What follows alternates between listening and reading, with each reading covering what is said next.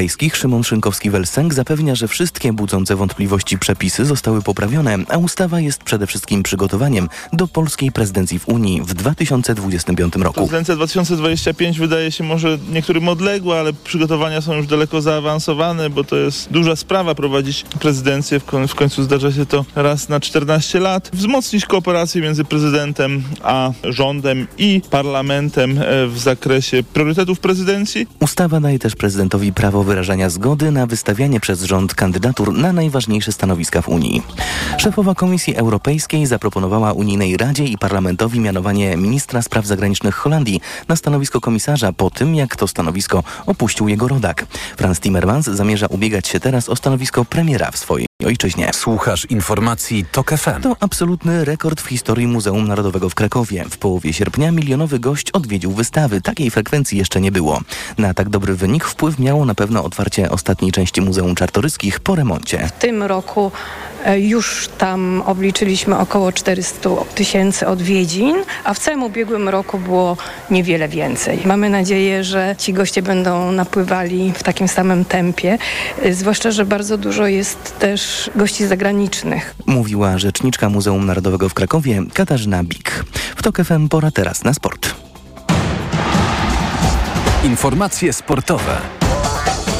Przemysław Pozowski, zapraszam. Hubert Hurkacz zaczyna dziś US Open. Najlepszy polski tenisista w pierwszej rundzie wielkoszamowego turnieju w Nowym Jorku zagra ze Szwajcarem Markiem Andreo Hyslerem. O szczegółach teraz Michał Waszkiewicz. Pięć występów, tylko cztery wygrane mecze i szybkie pożegnanie z turniejem. Tak wyglądały do tej pory występy Huberta Hurkacza w Nowym Jorku. Polak jeszcze nigdy nie przeszedł drugiej rundy. Z drugiej strony przyjechał na US Open po turnieju w Cincinnati, gdzie stoczył fenomenalny bój z liderem światowego rankingu Carlosem Alcarazem. Pokazał, że od czołówki dzieli go niewiele i jest w dobrej dyspozycji, o czym mówił w Eurosporcie. Na pewno ostatnie mecze były, były bardzo zacięte, czy, czy, czy z Carlosem, czy też z Nowakiem. Na pewno jeszcze, jeszcze trochę brakuje, żeby zachodzić może, może daleko. Dlatego Hurkacz liczy, że tegoroczny US Open będzie przełomowy. Naprawdę moja gra jest na, na, na wysokim poziomie i jeżeli będę w stanie ją utrzymać, to mogę zrobić naprawdę fajny wynik. Pierwszym rywalem Hurkacza będzie 97 w światowym rankingu Szwajcar Mark Andrea Hessler. Do tej pory jeszcze nigdy ze sobą nie grali. Michał Waszkiewicz, TOK FM.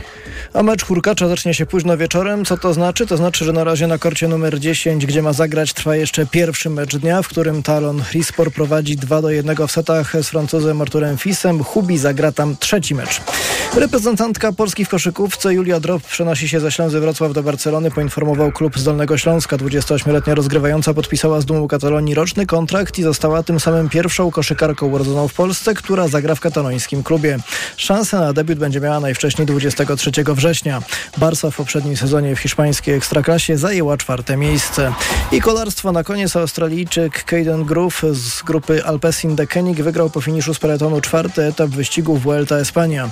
Drugi był Kolumbijczyk Juan Sebastian Molano, a trzeci Belg Edward Teuns. Żółtą koszulkę lidera, właściwie czerwoną koszulkę zachował broniący tytułu Belg Remco Evenepoel. Zakończenie hiszpańskiej Vuelty 17 września w Madrycie. Pogoda. Wieczorem deszcz i burze, na wschodzie porywy wiatru do 100, a w centrum kraju do 75 km na godzinę. Jutro trochę przejaśni się na zachodzie, ale wciąż będzie pochmurno, deszczowo i burzowo. W najcieplejszym momencie dnia termometry pokażą od 17 stopni Celsjusza na zachodzie do 28 stopni na wschodzie kraju. Radio TOK FM. Pierwsze radio informacyjne. Mikrofon, Tok FM. Tok FM. 6 minut po godzinie 20 słuchamy Radia Tok FM. Przyszedł czas na program Mikrofon Tok FM. Dobry wieczór mówią Karolina Kłaczyńska, która przygotowywała i wydaje dzisiejszy program, Jacek Kozłowski, który będzie go realizował i Paweł Sulik, który zaprasza Państwa na antenę Radia Tok FM, bo na tym polega nasz program. Nasz numer to 22 4 4 044, a dzisiejsze pytanie brzmi tak. Zdarza się, że politycy zmieniają poglądy, nawet na zupełnie przeciwne.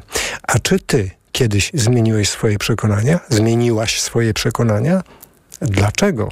Pani Anna od razu na portalu Facebook, na profilu Radia Tok FM pisze do nas tak. Oczywiście. Przecież nie trwam uparcie w swoich przekonaniach, kiedy fakty mówią inaczej. Lubię słuchać ludzi oraz dużo czytam, a to poszerza wiedzę, a przez to zmieniam moje opinie o świecie. Tak napisała pani Anna. Mm, inne wpisy na portalu nie są już tak mm, jednoznaczne, albo inaczej, są o wiele bardziej jednoznaczne, a mianowicie odwołują się do najczęściej ostatnio komentowanych faktów z życia politycznego naszego kraju, ale radykalna zmiana poglądów. To nie jest, proszę Państwa, coś, co zdarzyło się teraz, co zdarza się teraz w ostatnich dniach, tygodniach, miesiącach, latach, bynajmniej. Żeby rozszerzyć perspektywę, rzucamy się 2000 lat do tyłu. Szabeł Starsu. Posiadacz rzymskiego obywatelstwa od urodzenia i uczeń wybitnego nauczyciela Gamaliela, e, kiedy usłyszał o Mesjaszu z Nazaretu i tworzącej się e, wokół niego grupie wyznawców, postanowił ją zniszczyć. Jeśli nie słowem, to czynem. Na kartach Pisma Świętego czytamy, że Szaweł Starsu dyszał rządzą zabijania i siał postrach pośród chrześcijan. Jednak y, kiedy jechał do jednego z największych skupisk chrześcijańskich syryjskiego Damaszku, na jego drodze stanął nagle w blasku chwały Jezus Chrystus. Zwracając się do niego po imieniu, zadał mu tylko jedno pytanie: Szable, szable, dlaczego mnie prześladujesz? zdawszy sobie sprawę, że to istotnie Jezus jest wyczekiwanym Mesjaszem Izraela, synem Boga żywego, Szaweł doznał mocnej przemiany. Po przyjeździe do Damaszku został ochrzczony i przyjął imię Paweł. Ta historia, znana e, wszystkim poprzednim pokoleniom, jest historią symboliczną, bo pokazuje, że nawet absolutny radykalny wróg chrześcijaństwa może zostać chrześcijaninem i to takim, który no, bierze udział w początkach tejże religii, i to aktywny y, udział i no, w jego wiarę chyba nikt nie wątpi. Y, zmiana, która w różnych kulturach, w, różnych w różny sposób, w różnych symbolach, metaforach była zawsze komunikowana, a mianowicie, że oto może przyjść taki moment, że ta zmiana jest radykalna do tego stopnia, że nie tylko zmieniają się poglądy, nie tylko przekonania, ale postawy i czyny.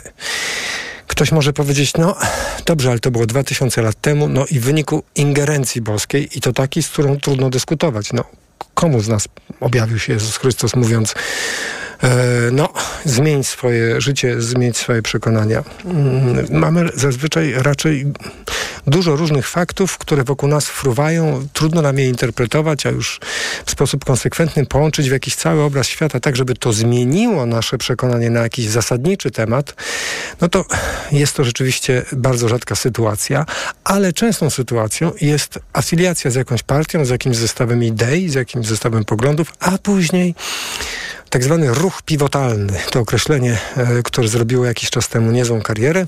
Przypomnijmy postać Magdaleny Ogórek, kandydatki na prezydentkę z ramienia SLD. I cytat z kampanii wyborczej z czasów, kiedy chciała zostać prezydentką Polski. Życie młodych jest dziś koszmarem. To jest kraj umów śmieciowych. Kraj, który źle kształci młodych i nie uczy przedsiębiorczości. Jeśli tego nie zmienimy, to to będzie zbrodnia na polskim narodzie. Tak wtedy mówiła, ale po latach została propagandzistką mediów rządowych i już ani razu tak krytycznie o sytuacji młodych ludzi w Polsce się nie wypowiedziała, więc y, Magdalena Ogórek zmieniła rzeczywiście poglądy w sposób, no nie chcę powiedzieć tak jak Szaweł Starsu, ale mimo wszystko zmieniła je w sposób y, radykalny. Na pewno też zmienił swoje poglądy ktoś, kto stał się, przynajmniej na Śląsku, y, symbolem takiego pivotalnego ruchu, Wojciech Kałuża. Sławny stał się w 2018 roku, kiedy wybrany z Koalicji Obywatelskiej przyszedł na pierwszej sesji Sejmiku Śląskiego, przeszedł do Prawa i Sprawiedliwości i dał im jednoosobową większość. No, wyborcy, którzy głosowali na Wojciecha Kałuży wtedy e, jako na działacza Platformy, słusznie zaskoczeni tym, że okazał się być znienacka politykiem Prawa i Sprawiedliwości. Określali Kałużę ciulem, kradziokiem i kabociorzem po śląsku zdrajcą. Jeszcze niedawno kandydatka z Podkarpacia, Małgorzata Zych, sama siebie nazywała kobietą Konfederacji i głosiła antyukraińskie poglądy. Wcześniej innymi zarzucała USA promowanie tęczowej propagandy. Obecnie jest kandydatką na listach trzeciej drogi. Tak jak słyszeliśmy 12 minut temu, e, Piotr Aśkowek w informacjach mm, powiedział, że oto partia mm, zażądała zadeklarowania od Małgorzaty Zych jej jednoznacznego stanowiska w sprawie rosyjskiej agresji na Ukrainę. Jeśli nie, no to pani Małgorzata straci miejsce na liście. No i przejdźmy do przykładu, który pewnie słuchacze i słuchaczki mają w głowach, kiedy słyszą o tych wszystkich osobach, które zmieniły o 180 y, stopni swoje podejście do kwestii zasadniczych. Roman Giertych. W maju 2006 roku został nominowany przez Jarosława Kaczyńskiego na wicepremiera i ministra edukacji. E, jako minister edukacji y, dał się poznać mm, z dość ciemnej strony. Nie wiem, czy Państwo pamiętają pomysł zero tolerancji. Planowano wprowadzić zakaz przebywania nieletnich w miejscach publicznych po godzinie 22. Roman Giertych twierdził, że tym jednym posunięciem sprawi, że mm, młodzież będzie i dzieci będą bezpieczne. Zresztą polska szkoła za czasów, e, kiedy ministrem był e, Roman Giertych, miała wychowywać dzieci twardą ręką. Jednym z pomysłów ówczesnego ministra było wprowadzenie do szkół lekcji patriotyzmu, które mieli, uczy, które mieli uczyć e, zapraszani oficerowie wojska. Także ta wizja, proszę Państwa, Romana Giertycha, proszę sobie wyobrazić, zaraz początek roku szkolnego w przyszłym tygodniu przychodzą dzieci ze szkoły. Mamo, mamo, pan generał był u nas na lekcji. To nie byliśmy tak daleko od tej sytuacji. Ale mm, mm ważniejsze rzeczy. Porządku w szkole pilnowała policja do spółki z przedstawicielami gminy oraz kuratorium. Więc to właśnie mm, e, minister uważał za sensowne e, wspieranie młodych ludzi w podstawie, w postawie patriotycznej i zapewniania im jednocześnie bezpieczeństwa. To, co zostało pewnie w naszej pamięci i Państwa pamięci, to obowiązek noszenia mundurków, no a przede wszystkim zamach na listę lektur bo oczywiście wszyscy jesteśmy przekonani, że oto siła naszych autorów i autorek jest taka, że nic nam jakieś zakazy na liście lektor, no ale chcieć, żeby Gombrowicz zniknął z listy lektur, to już proszę Państwa, rzeczywiście cios w nasze dziedzictwo kulturowe. No i ten cios wymierzył nie kto inny, a Roman Giertych. W edukacyjnym podręczniku dla nauczycieli pod tytułem Kompas Edukacja o prawach człowieka w pracy z młodzieżą Mm, e, Roman Giertych widział promocję homoseksualizmu, krytykował ten podręcznik, e, ale za to e, deklarował, że w programie szkolnym znajdzie się program czystości małżeńskiej, no i jednocześnie w prywatnych rozmowach często, podkreślają to źródła, e, minister mm, mówił językiem takim, który dziś mm, jest już niepoprawny politycznie nie tylko w przestrzeni publicznej, ale generalnie. My tak nie mówimy o innych ludziach, a już na pewno nie ze względu na ich orientację seksualną. Co istotniejsze, tenże sam Roman Giertych wcześniej, w 1989 roku, doprowadził do reaktywacji międzywojennej organizacji studenckiej Związek Akademicki Młodzież Wszechpolska. No i został prezesem tej organizacji, która za cel obrała sobie wypieranie z życia, zwłaszcza publicznego, e, e, rzeczy, które są przeciwne etyce katolickiej, e, no i walka o, o, o niezawisłość ojczyzny w praktyce Młodzież Wszechpolska ksenofobiczne i rasistowskie wypowiedzi e, często stosowała.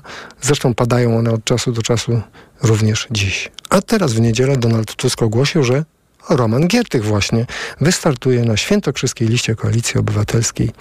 Będzie walczył, ma walczyć z Jarosławem Kaczyńskim.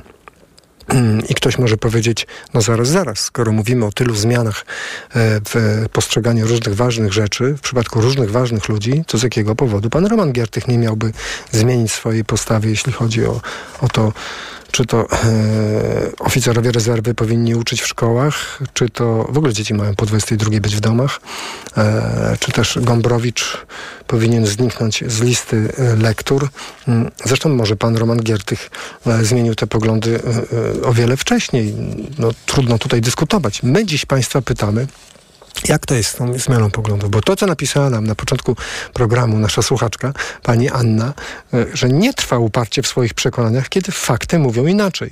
No ale każdy z nas kiedyś pierwszy raz usłyszał, nie wiem, Dajmy na to o tym, jak bardzo e, szkodliwe dla naszej planety jest e, e, nadmierne spożywanie mięsa, no i przestał jeść mięso, ale przez całe swoje życie był radosnym, szczerym mięsożercą. No, czy to jest jakiś problem, że e, ktoś zebrawszy wszystkie dostępne informacje dokonuje zmiany swojej postawy? Lub też ktoś, kto był święcie przekonany, że oto seks przedmałżeński jest absolutnie nie do przyjęcia z moralnego punktu widzenia. Ale Różne sploty życiowych wydarzeń, mniej lub bardziej dramatyczne albo melodramatyczne, spowodowały, że jednak ten seks przedmałżeński uprawiał. I ktoś może zapytać, jak można mieć tak różne mm, zdanie na ten sam temat? Otóż można. W wyniku nie nawet nie namysłu e, stricte logicznego, jakiegoś ciągu, deduk dedukcji itd., tak itd., tak ale po prostu zwykłego zauroczenia. I wtedy ta kwestia seksu przedmałżeńskiego okazuje się być widziana w innym świetle. Przykładów możemy mnożyć w nieskończoność. To, co najistotniejsze dziś, e, to pytanie, czy my rozpoznajemy w sobie ten moment, a może proces, to już Państwo powiedzą, e, który powoduje, że mm, fakty, częściej emocje, autorytety, e, a może splot tych wszystkich czynników powoduje, że chociaż przez całe życie sądziliśmy, że jeśli A to B, to teraz uważamy, że jeśli A to C. Dlaczego tak się dzieje, jeśli Państwo popatrzą na swoje zwroty światopoglądowe.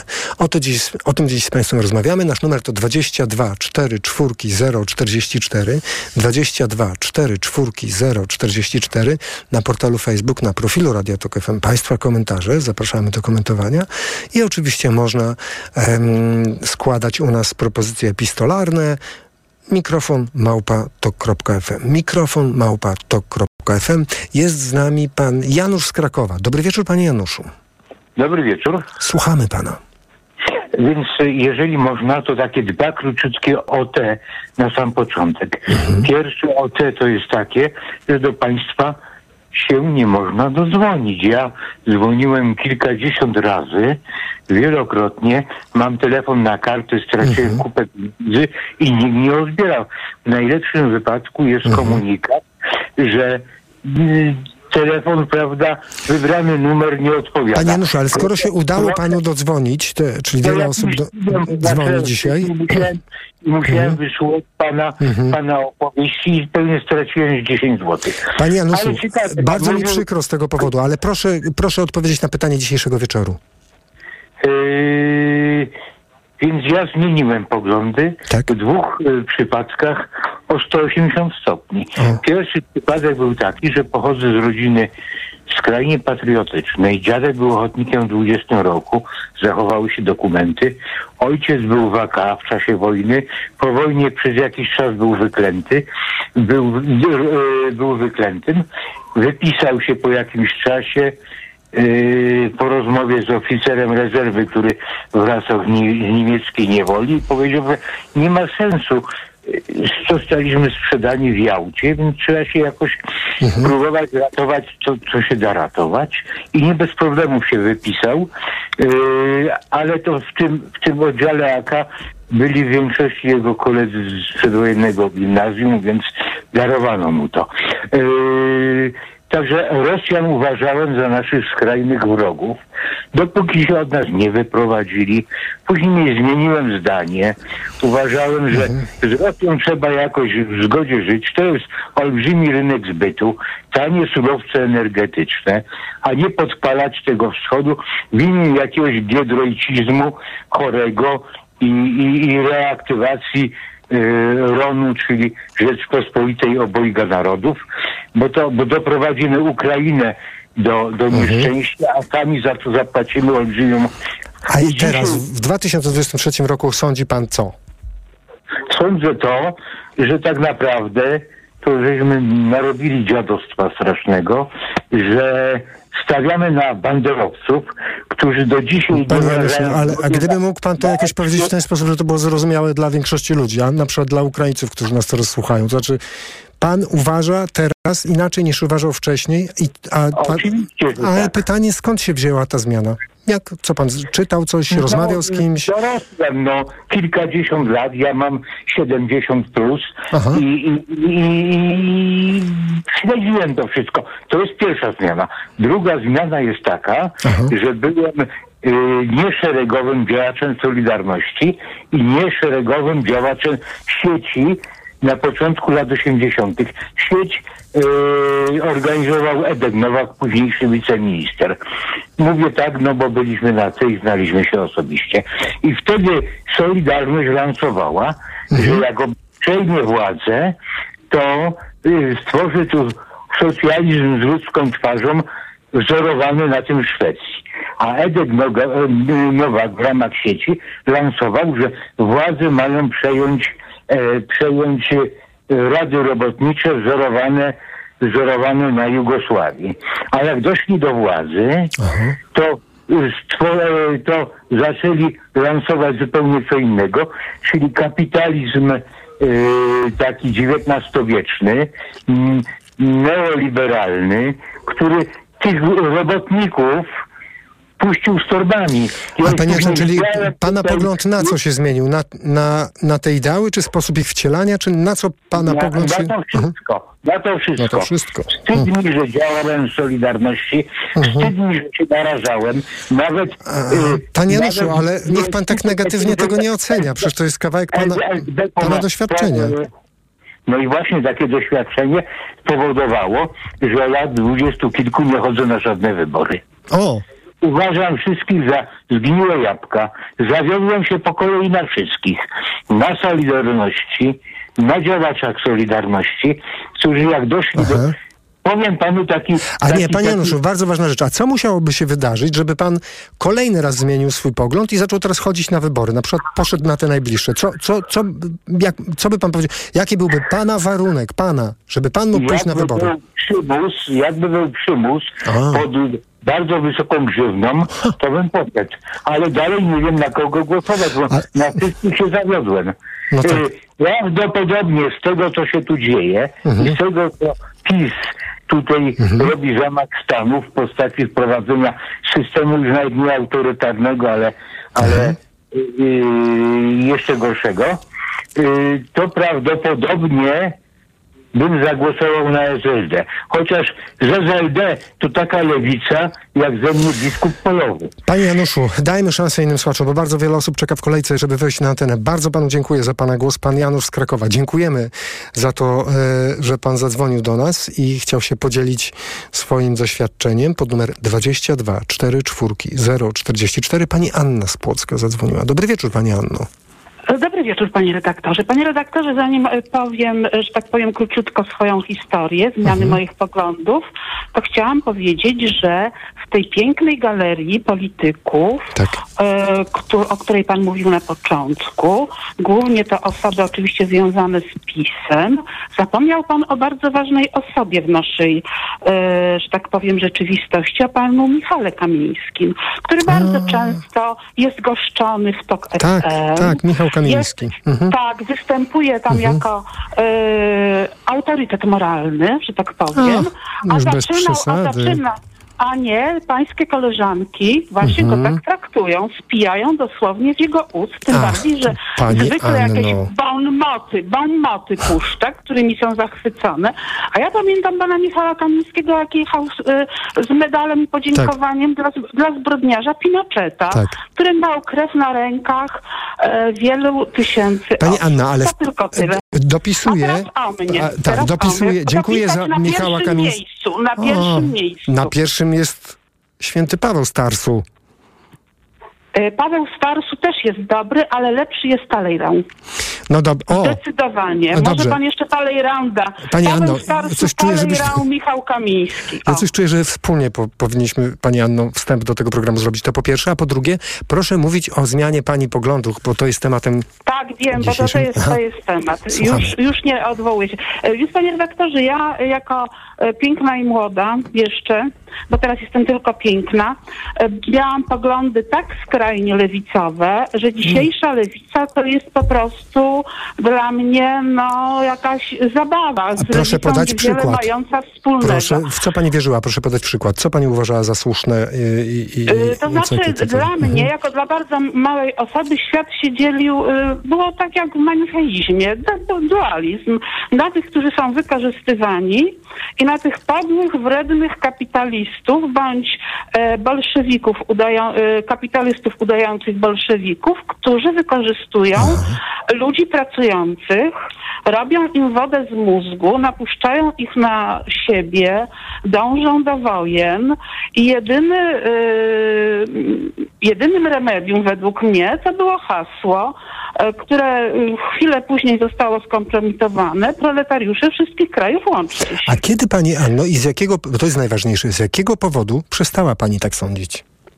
To znaczy, to nie był e, jeden, tak jak u Pawła Starsu, objawienie, to była ewolucja. Po Aha. prostu. E, e, byłam tak bardzo lewicowa, kiedy miałam 17-18 lat. Potem moje doświadczenie pokoleniowe to jest Solidarność. Mhm. Potem no po prostu studiowałam, więc mhm. dzięki mojej alma mater nauczyłam się myśleć i powoli, powoli te moje poglądy ewoluowały trochę, owszem, lewicowe, ale już nie tak radykalne.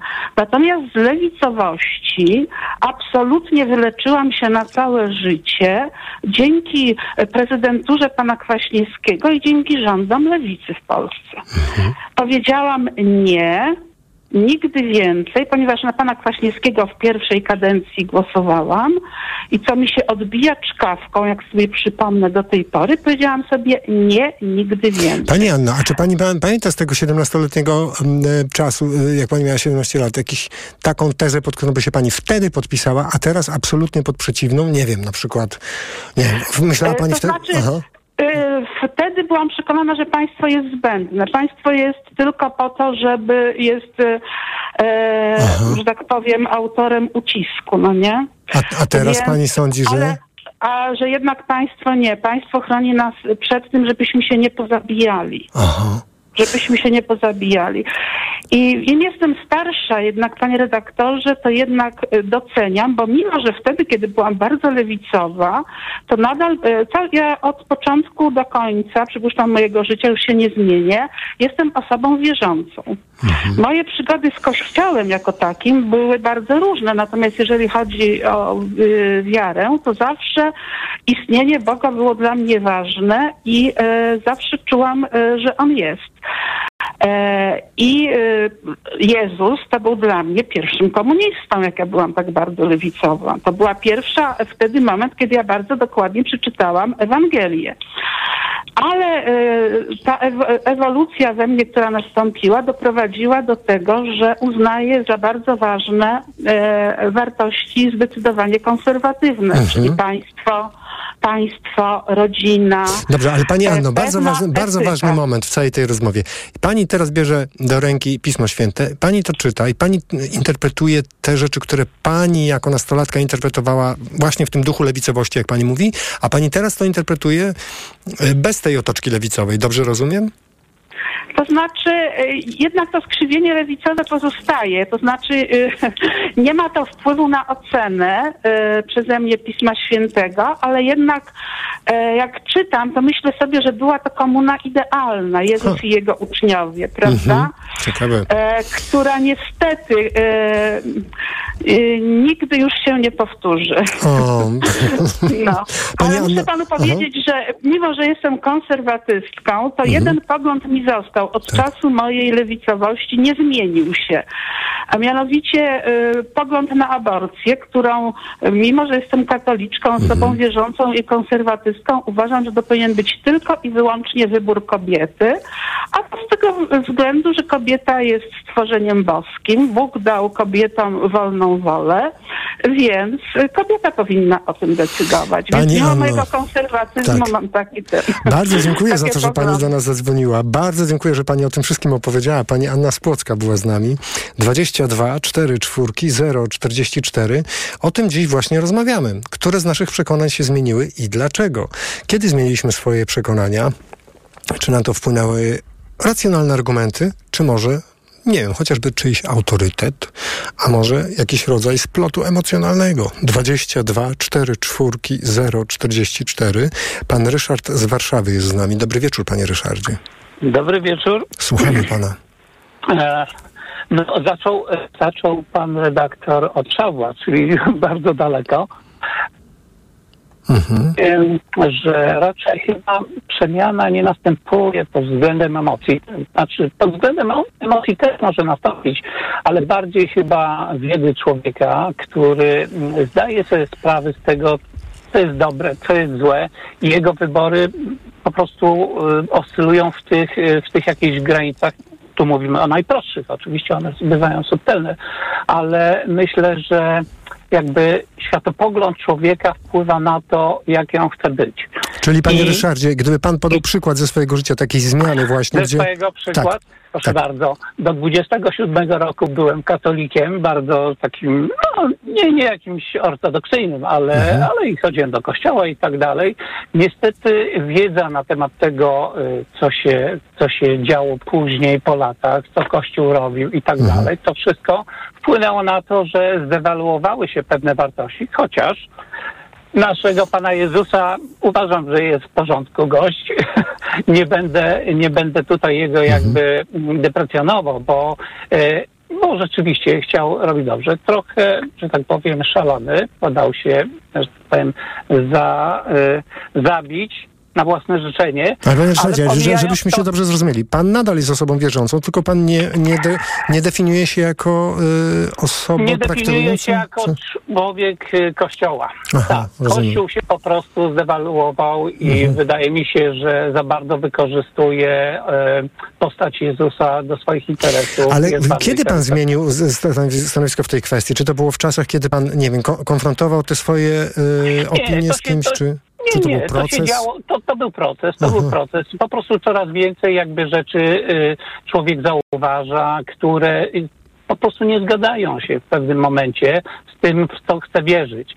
No i, i rzeczywiście, no dla mnie y, generalnie te wszystkie rzeczy związane z jakąkolwiek wiarą, z jakimkolwiek wyznaniem są bardzo spontaniczne, spontaniczne i bardzo y, uziemiają ludzi. Czyli Panie Ryszardzie, tak, to pewnie pan ma rację, mhm. tylko muszę pana zapytać o jedną ważną rzecz. Aha. Czy pan byłby w stanie e, zidentyfikować czy cokolwiek w Pana życiu y, robi Pan, robi, zaczął robić Pan inaczej? Pana postawy wobec tak. różnych rzeczy się, tak? Mhm. Z powodu tej tak, zmiany? Się, e, nie, nie, to nie było z powodu tej zmiany. To, ta zmiana nastąpiła na skutek jakby własnej takiej edukacji i filozoficznej, i humanistycznej.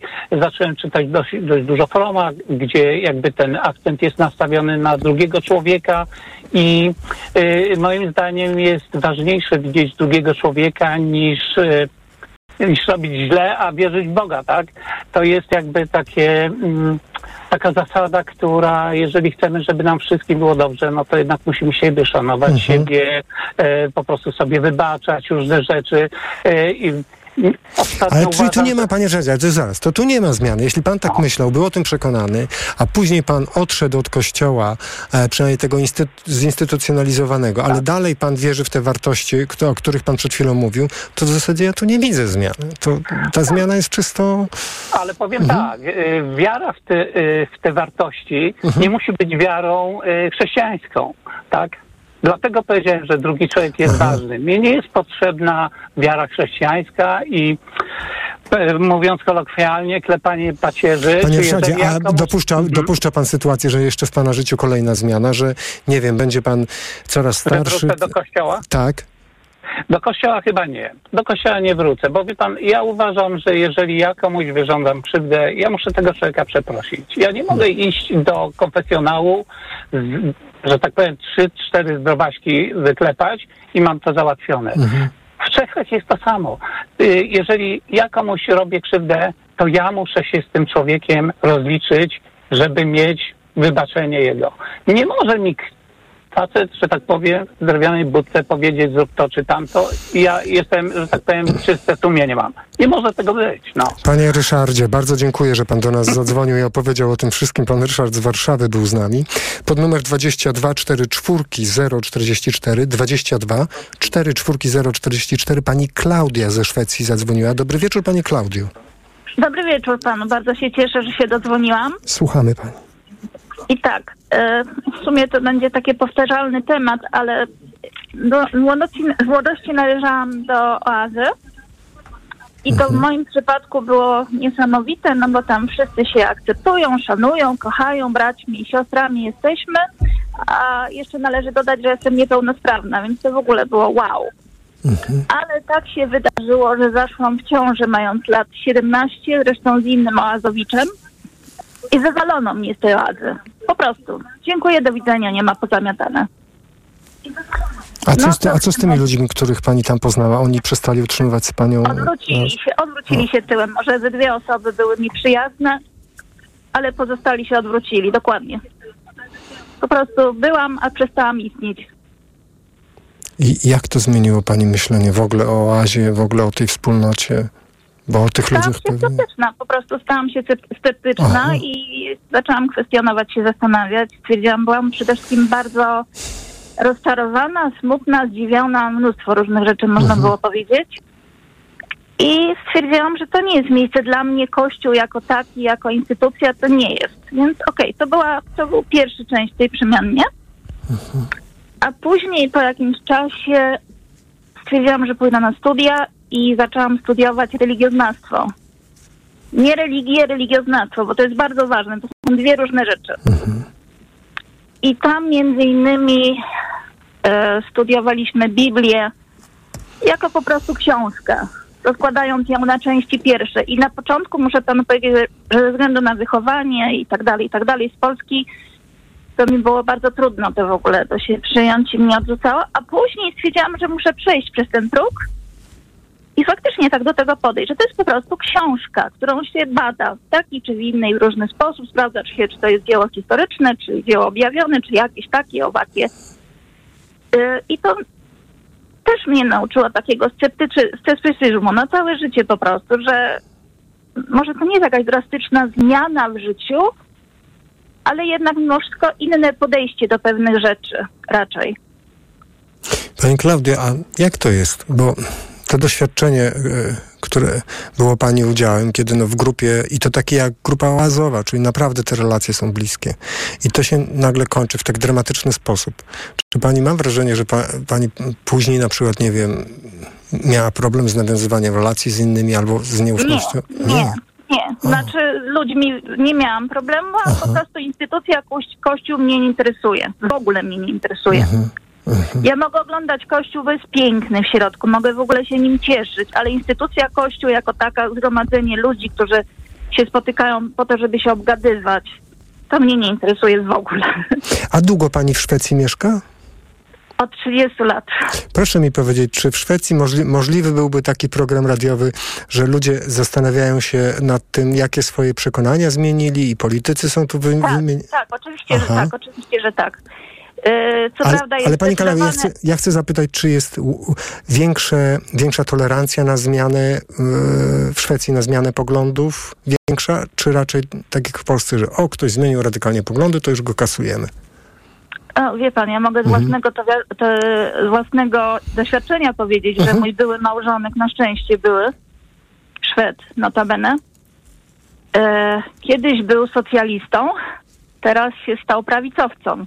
Mhm. Takim maksymalnym prawicowcem. I tam zresztą siły prawicowe idą do przodu. Nie wiem, czy pan o tym wie, pewnie pan wie. Czy? I on w tej chwili twierdzi, że prawica to jest w ogóle najlepsze, co się wydarzyło w Szwecji. No. A jak to z tym naprawdę jest, to wszyscy wiedzą. A co się stało, że zmienił pogląd? Coś się wydarzyło, czy nie wiem, to był proces? Z moim byłym mężem Mhm. nigdy nie wiadomo, ale podobno wszyscy mówią, że kółko się zatoczyło i tak, by, na, tak bywa w życiu, że jak się jest skrajnym z jednej strony, to potem Mhm. się człowiek staje skrajnym z drugiej strony. Ale oczywiście, że zmiana poglądów jest możliwa. Hmm. Oczywiście, że ludzie to akceptują. No, oczywiście nie wszyscy chcą słuchać, prawda? Ja nie mam ochoty słuchać jego wywodów na temat, że prawica jest najlepsza. Ja go słucham, ale nie mam ochoty się zmienić na, na poglądy prawicowe, bo się Hmm. z tym nie zgadzam po prostu. Ale pani dyskutuje z tym, czy po prostu słucha?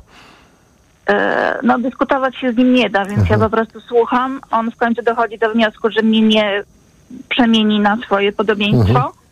Za to próbuje dzieciom wmówić, że właśnie mają tak myśleć, a dzieci dorosłe notabene, bo najmłodsze ma 23 lata. No tak. Także to jest trochę smutne, no niestety, ale, ale oczywiście, że jest wolność poglądów, wolność. Można je zmieniać, można dyskutować, można...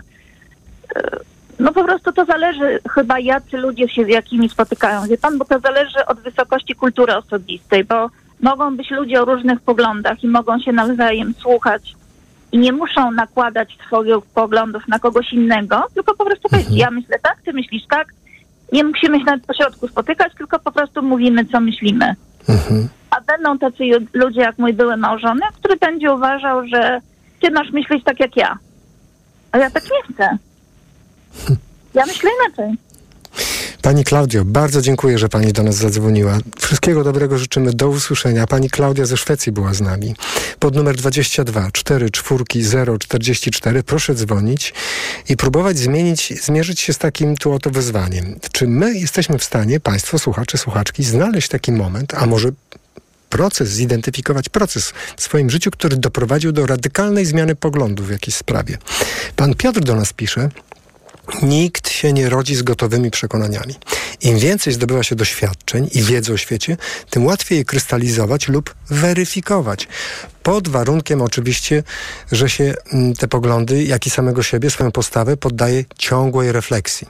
Zmiana przekonań to dowód na bycie otwartym i zdolnym do zauważenia i przyjęcia innych opcji, co jest warunkiem rozwoju jednego z fundamentalnych elementów człowieczeństwa. Byłoby idealnie, gdybyśmy zmieniali błędne czy krzywdzące i innych przekonania na budujące. Niestety różnie to bywa. Sam zmieniłem kilka przekonań, konfrontując swoje wyobrażenia z rzeczywistością. Bliżej tej drugiej chyba jednak trochę łatwiej żyć. Napisał pan Piotr. Bardzo dziękuję za ten y, w, wpis. No i jeden z naszych słuchaczy, nie wiem, ale mam wrażenie, że za moment uruchomi burzę, ale zacytuję naszego słuchacza, który, pi który pisze tak. Uznawałem za młodu, że Zachwyty nad geniuszem twórczym Jana Sebastiana Bacha są zdecydowanie przesadzone. Dziś uważam jednak, że pozostają bezsprzecznie słuszne i to nawet nie będąc osobiście entuzjastą baroku. W innych kwestiach fundamentalnych zdania i poglądów już nie zmieniałem. Bardzo dziękujemy za ten wpis. E, Myślę, że Jan Sebastian Bach, który pojawia się w programie Mikrofon Tok FM, związanym ze zmianą swoich przekonań, to jest naprawdę artyleria duża, ale zostawmy te, tego typu sytuacje, a spróbujmy się skupić, proszę Państwa, jednak na Państwa doświadczeniach związanych z poglądami na rzeczy, które no, są uniwersalnymi postawami w Polsce, czyli stosunek do tych rzeczy, co do których wiemy, że większa część z nas ma taki lub też inny. E, I pan Michał z Kościana jest z nami. Dobry wieczór, panie Michale. Dobry wieczór, panie redaktorze. Słucham, słuchamy pana, proszę mówić. Więc dwie ważne sprawy mam tutaj. Sprawy właśnie, co była poruszona, sprawy kościoła i sprawy polityków. Moje, moje spojrzenie na to jest takie, bo ktoś mi kiedyś powiedział, że tylko krowa nie zmienia zdania. Człowiek może zmieniać ile razy chce. Nie, to nie jest prawda, bo jak za dużo będzie zmieniał to zdanie, to wiadomo kim będzie. Nie? Ale chodzi o polityków. Polityk, jeżeli startuje w wyborach e, z pewnymi hasłami, z pewnymi obietnicami i zdobywa jakieś głosy, jakieś grupy ludzi, to moim zdaniem bez zgody tej grupy ludzi nie powinien zmieniać frakcji, przechodzić do wrogiego y, ugrupowania. To jest, nie, to jest niedopuszczalne. Taki polityk powinien być wykluczony, automatycznie zabrany mu mandat, wyrzucony z polityki i do widzenia. Chyba, chyba że y, p- zdobędzie poparcie tych, którzy na niego głosowali, że może przejść a nie, że sam po prostu jak yy, domu, tak jak tutaj pani powiedziała, że mąż yy, chce, chciał mieć, yy, żeby żona miała takie samo zdanie jak, jak yy, on i taka dyktatura. Nie, to nie, nie. Druga sprawa, jeśli, o, jeśli chodzi o politykę, to bardzo byłem zły na pana Tuska, ale wydaje mi się, że po tylu latach e, w Unii to jest jeden z najlepszych naszych polityków, najbardziej taki luzacki, światły, Panie dojrzały Michale, polityk tak, ale my, dzi my dzisiaj rozmawiamy o zupełnie innej rzeczy, a może o tej No samej, i a tak, mianowicie tak, ja ja my, my, panie Michale, dzisiaj rozmawiamy o tym, co, czy pan kojarzy taki moment albo proces y, w pana życiu, kiedy zmienił pan pogląd na jakąś sprawę o 180 stopni albo bardzo radykalnie i czy pan potrafi powiedzieć, z jakiego powodu to się wydarzyło? No więc właśnie to jest e, drugi ten aspekt, co chciałem powiedzieć. Druga sprawa to jest właśnie sprawa Kościoła, nie? Zdecydowanie odwróciłem się od Kościoła. Właśnie dlatego, y, że dużo obserwowałem, analizowałem ludzi Mhm. należących do, do, do kościoła. Y, już nie mówię o samych księżach, którzy zostawiają Mhm. dużo do życzenia, ale właśnie o ludziach, którzy y, wchodzili na procesje czerwcowe tam różnego, tylko po to, żeby oglądać, jak to wygląda, oceniać jego ubiór, jego cokolwiek. Zachowania, zachowania katolików. Wiem, że... Y, No, mam ale spotkał pan czynienia- pewnie też w swoim życiu bardzo dobrych katolików, jak rozumiem. Albo Proszę nawet pana, zna pan panu, takich. Że, powiem panu, że bardzo mało. Bardzo mało. Wło- Włącznie y, nawet moja matka należała do koła różańcowego, y, a jej serdeczna koleżanka też była w tym kole różańcowym. Tutaj takie losy życiowe były dosyć dziwne. I ta koleżanka, która mnie wcale nie, nie znała, zeznawała w sądzie same kłamstwa przeciwko mnie, katoliczka katoliczka, która nie miała, nie wiedziała nic na temat właśnie mojego, moich kontaktów z matką i innych spraw. W ogóle mieszkała domem odwróconym od, moje, od mojej rodziny i wie pan, ja naprawdę Hmm. A to panie ale bardzo złe... rozumiem, ale to, ale ktoś może powiedzieć, że pan generalizuje, no bo znamy też, przy... ale czy, czy to, z- jaki jest tego tak jakby morał? Czy to jest tak, że pan zupełnie już jest osobą niewierzącą, czy pan dalej jest osobą wierzącą, tylko nie jest pan, nie czuje się pan częścią kościoła rzymskokatolickiego? Może, może powiedzmy tak, panie Mhm. Redaktorze, że ja mam swojego Boga. Ja mam swojego Boga, który po prostu y, w odpowiednim momencie zareaguje i tych wszystkich, wie pan, y, złoczyńców, tak jak to się mówi, ten sąd ostateczny, on ich rozliczy. Ale póki co ja w to nie wierzę, że, że do tego dojdzie. Bo y, Biblia, Biblia mówi o zesłaniu ze zastępów aniołów, y, spaleniu Sodomy Gomory. To wszystko się działo, to wszystko Bóg wprowadza jakieś tam po- porządki. Tysiące lat minęło i nic się nie dzieje. I mnie to naprawdę denerwuje, gdzie słyszę, że młodzi ludzie, dzieci umierają, a złoczyńcy żyją. Mnie, mnie, mnie to naprawdę, gdzie, gdzie jest ten Bóg? Ja zadaję pytanie, gdzie jest ten Bóg? Ja Panie go nie znajduję i w ludziach też go nie znajduję. Panie Michale, bardzo dziękuję, że pan do nas zadzwonił. Pan Michał z Kościana był z nami. Bardzo dziękujemy. 22 4 4 0 44. Pan Radek z Koszalina jest z nami. Dobry wieczór. No, dobry wieczór, witam serdecznie. Słuchamy pana. Ja mam takie dwa konteksty. E, jeden to taki miałem refleksję, jak słuchałem Mhm. e, do wstępu pana redaktora na temat tego Romana Giertycha, który raz tu, raz tam. Sobie tak pomyślałem, a może on nie zmienia przekonań, Mhm. tylko ma właśnie taką strategię, żeby dopasować się do tego, co jest. Mhm. E, ma jakiś cel i korzysta z, ze zmiany strategii. Do tego do, dotrę tak. Tam niekoniecznie muszą być zmiana przekonań. Mhm. Zmian, zmiana jakaś przekonań u niego, że on teraz, a inaczej będę w to wierzył i tak dalej. To po prostu robił swoje, korzysta z tych narzędzi, które są, Mhm. ma cel wrócić do polityki, będę z tej listy. Jedna partia z tego korzysta, bo będzie miała bardziej kolorową listę, Tak. e, a Roman sobie wejdzie z powrotem, wróci do polityki i będzie sobie tam działał tak jak chce. I to jest tylko po prostu używanie tego, co świat dostarcza jemu. Panie Radku, a, pana, a jak pan patrzy na swoje życie, pamię- kojarzy pan taki, identyfikuje pan taki moment, kiedy pan przestaje w, w, coś e, wierzyć albo być przekonanym, że coś jest... Tak? Mhm. Tak, tak. No, jesteśmy na przykład, dużo słyszę dzisiaj rozmów o kościele i tam. I, ja sobie często zadawałem pytanie, dobra, to, że jestem w kościele, co mi to robi? To, że klękam yy, i mówię moja wina, moja wina, to mi dla mnie było niewygodne, bo nie lubię być w poczuciu winy. Więc zacząłem sobie obserwować i mówię, dobra, to mi nie pasuje. Nie pasuje mi wrzucanie e, w jakieś ramy, że są 10 przykazań, tak mam robić. Ja sobie myślę tak, że jeżeli jest niebo, to Bóg nie będzie się pytał, czy ja jestem wierzący, czy nie. Tylko spojrzy, jesteś dobrym człowiekiem, albo nie mnie wpuści. I odszedłem sobie z kościoła na spokojnie. Ale zaraz, zaraz, panie Radku, rozumiem, tylko czy, co, pan, co panu przeszkadzało w kościele? To mówienie, że moja wina, tak? Poczucie winy, czy... czy... To jest, wie pan co, to jest takie wrzucanie Mhm. ludzi w wieczne poczucie winy, że musimy cierpieć, Ale panie Radku, dobrze, ale bądźmy, szczy, bądźmy, bądźmy szczerzy. Czy to oznacza, że jak ktoś panu mówi, że trzeba mniej jeździć samochodem, mniej używać energii, mniej jeść mięsa, bo jest y, kryzys klimatyczny, to też pana w poczucie winy wpędza przecież. I co pan robi Nie, to, czy nie robi nie. tego? Nie, to jest, to jest problem tej osoby, nie mój, bo ja mogę tego nie czuć. Ja Aha. mogę mówić, słuchaj, no korzystam z tego narzędzia, samochód używam do pracy, dzięki temu zarabiam Dobra, ja, moja a w ogóle, w ogóle pan nie czuje żadnej winy teraz, od czasu, kiedy pan opuścił Kościół rzymskokatolicki, w związku z czymkolwiek, z innymi ludźmi, z, czym, z planetą, co, z życiem? Jest poczucie, je, jest poczucie winy takie, e, zrobiłem jakiś błąd i mówię, kurde, no skopałem. dobra, to jak mogę to naprawić? W ten sposób, to muszę kogoś przeprosić. I, i każdy taki mam błąd w życiu mógł pan naprawić? No, na, naprawić błąd każdego nie da rady, tak? Ale są rzeczy, które mogę przeprosić. I co z- co z błędem- Następnym razem tego błędu nie robić, prawda? Co z błędem, którego nie da się naprawić? Nie ma pan poczucia winy? Że jest? No po co? Co mi to da, że będę siedział i rozpaczał? O A Jezu, rozumiem, a jak ja wtedy zrobiłem? Mm, oczywiście. Nie tego. Rozumiem, panie Radku. nie zmienię, no A, wydarzyło się. a co jeśli taki jakiś błąd wiązał się z cierpieniem innych ludzi? No to przepraszam te osoby i naprawiam to, co zrobiłem. Aha, a jak się nie da naprawić? No to się nie da naprawić. Idziemy dalej. I nie ma pan poczucia winy. Dlaczego miałbym mieć? Nie, tylko pytam, panie Radku. Bardzo dziękuję, że pan do nas zadzwonił i opowiedział o tym wszystkim. Pan Radek z Koszalina był z nami. Nasz numer to 22 44 044. Zdarza się, że politycy zmieniają poglądy, nawet na zupełnie przeciwne. A czy ty kiedyś zmieniłeś swoje przekonania? Zmieniłaś swoje przekonania? Dlaczego?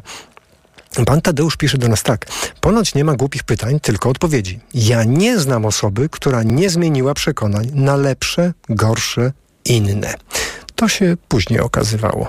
Komunia, bierzmowanie, ślub kościelny, kiedyś ważna ceremonia, dziś psami bym pogonił, gdyby mi ktoś zaproponował. Jeszcze kilka by znalazł. Pytanie z gatunku tendencyjnych. Panie Tadeuszu, proszę zadzwonić na naszą antenę i rozwinąć to. I pobrzmiewa w pana wpisie taka... Mm, taka pewność, że skoro zmienił pan raz zdanie w przypadku komunii, bierzmowania, ślubu kościelnego, to że pan już do końca życia tego zdania nie zmieni. Hmm. Proszę się wytłumaczyć z tej pewności, panie Tadeuszu. Zapraszamy. Nasz numer to 22 44 044. Jest z nami pan Robert z Warszawy. Dobry wieczór, panie Robercie. E, Dobry wieczór y, panu, dobry wieczór państwu. Cieszę się, któryś raz mi się udało dodzwonić do was. Jestem e, matura 1981, ta najpiękniejsza i najbardziej wolnościowa w Polsce. E, więc e, od tamtego czasu sporo się zmieniło. E, i oczywiście zmieniły się moje poglądy. Mm, i Nie wiem, są takie trzy obszary, w których zmieniłem poglądy tak dramatycznie. Pierwszy obszar to jest e, religia, drugi obszar to jest polityka i trzeci obszar historia. Czyli może za, zacznijmy od e, religii. E, no nie panie redaktorze, czy pan pamięta, czy państwo pamiętają, kto był pierwszym beneficjentem porozumień sierpniowych? Panie Robercie, nie, ale jak rozumiem, pan zmienił Nie, zdanie w no tej sprawie, tak? Okej. Pierwszym beneficjentem porozumień sierpniowych był Kościół. Yy, Ale pan tak zaczął uważać kiedy? Yy, nie, nie. Ja tylko przypominam, jak się, yy, jak się yy, jakby w odniesieniu do zdarzeń historycznych. No dobrze, ale kiedy pan zaczął otrzymał- intensywnie o tym myśleć? E, kiedy Kościół e, zaczął, e, kiedy Kościół zaczął ubierać szaty polityków i zaczął ich wspierać.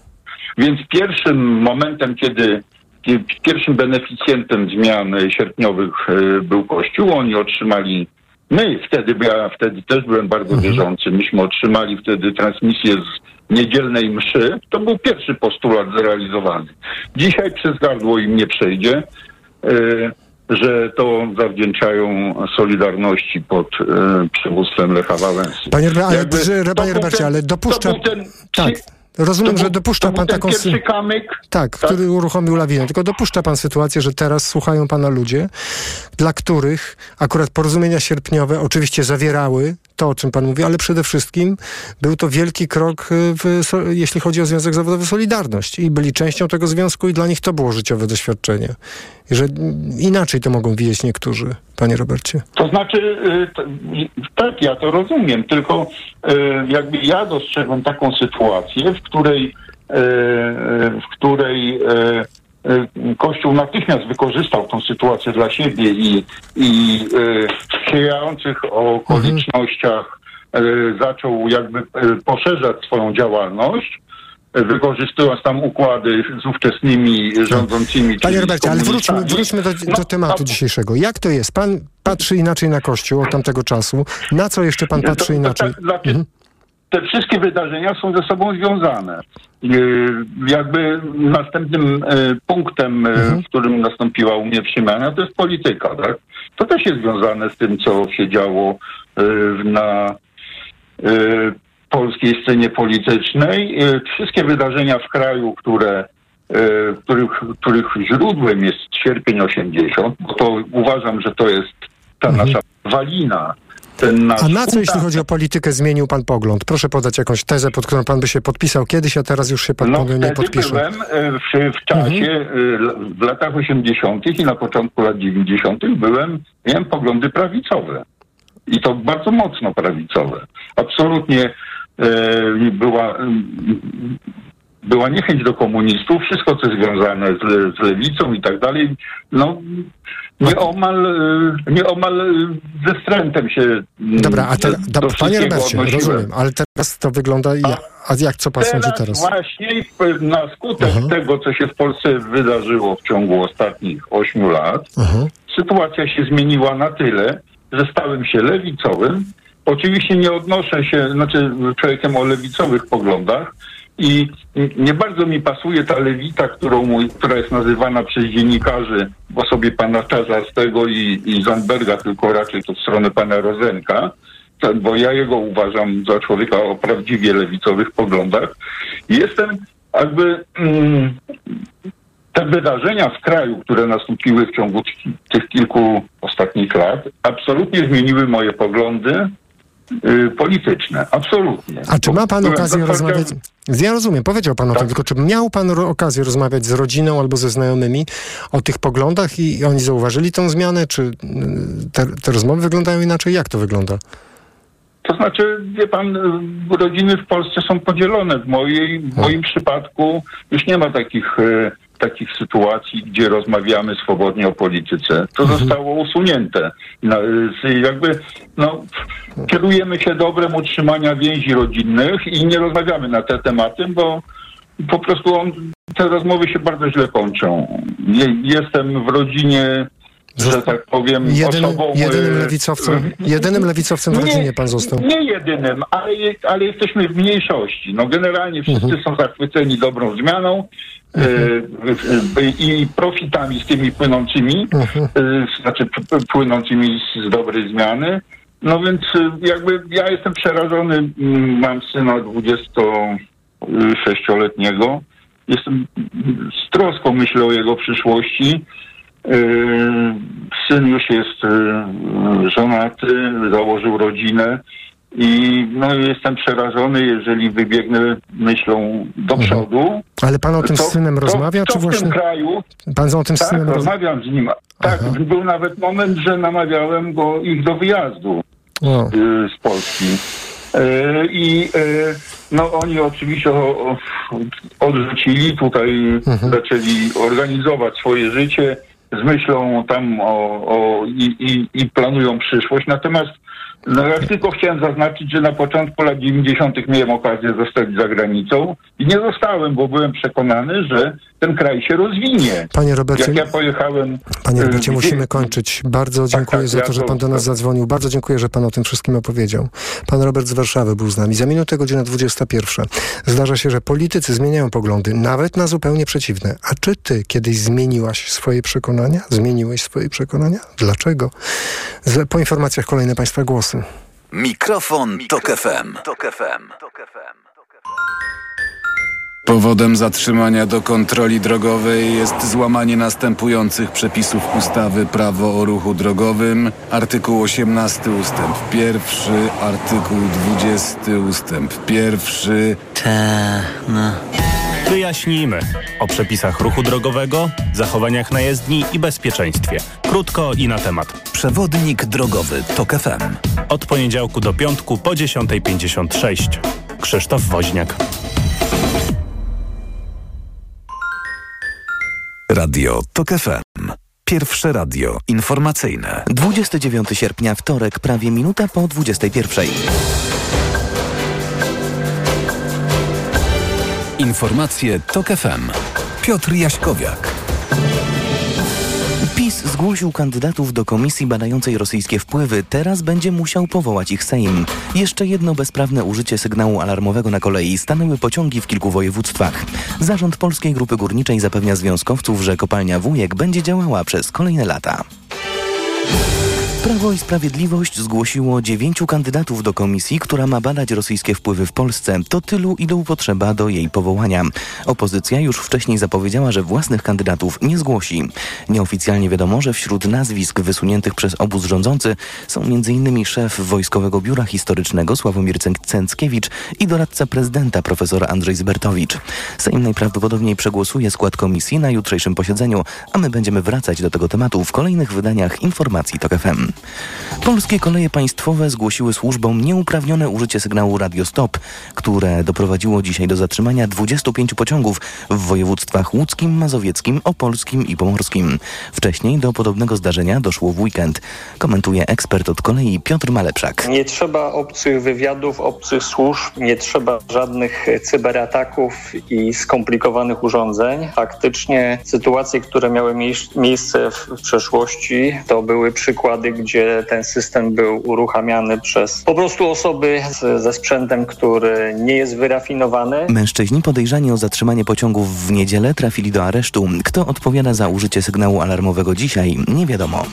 Działający na zlecenie Kremla hakerzy z grupy No Name 057 informują o atakach na polskie serwisy internetowe, donosi pełnomocnik rządu do spraw bezpieczeństwa przestrzeni informacyjnej RP. Poprzez cyberataki Rosja chce wpływać na nastroje przedwyborcze w Polsce, twierdzi Stanisław Żaryn. Na razie nie jest jasne, czy i które strony ucierpiały w wyniku ataku. Związki zawodowe dogadały się z zarządem Polskiej Grupy Górniczej w sprawie przyszłości kopalni Wujek.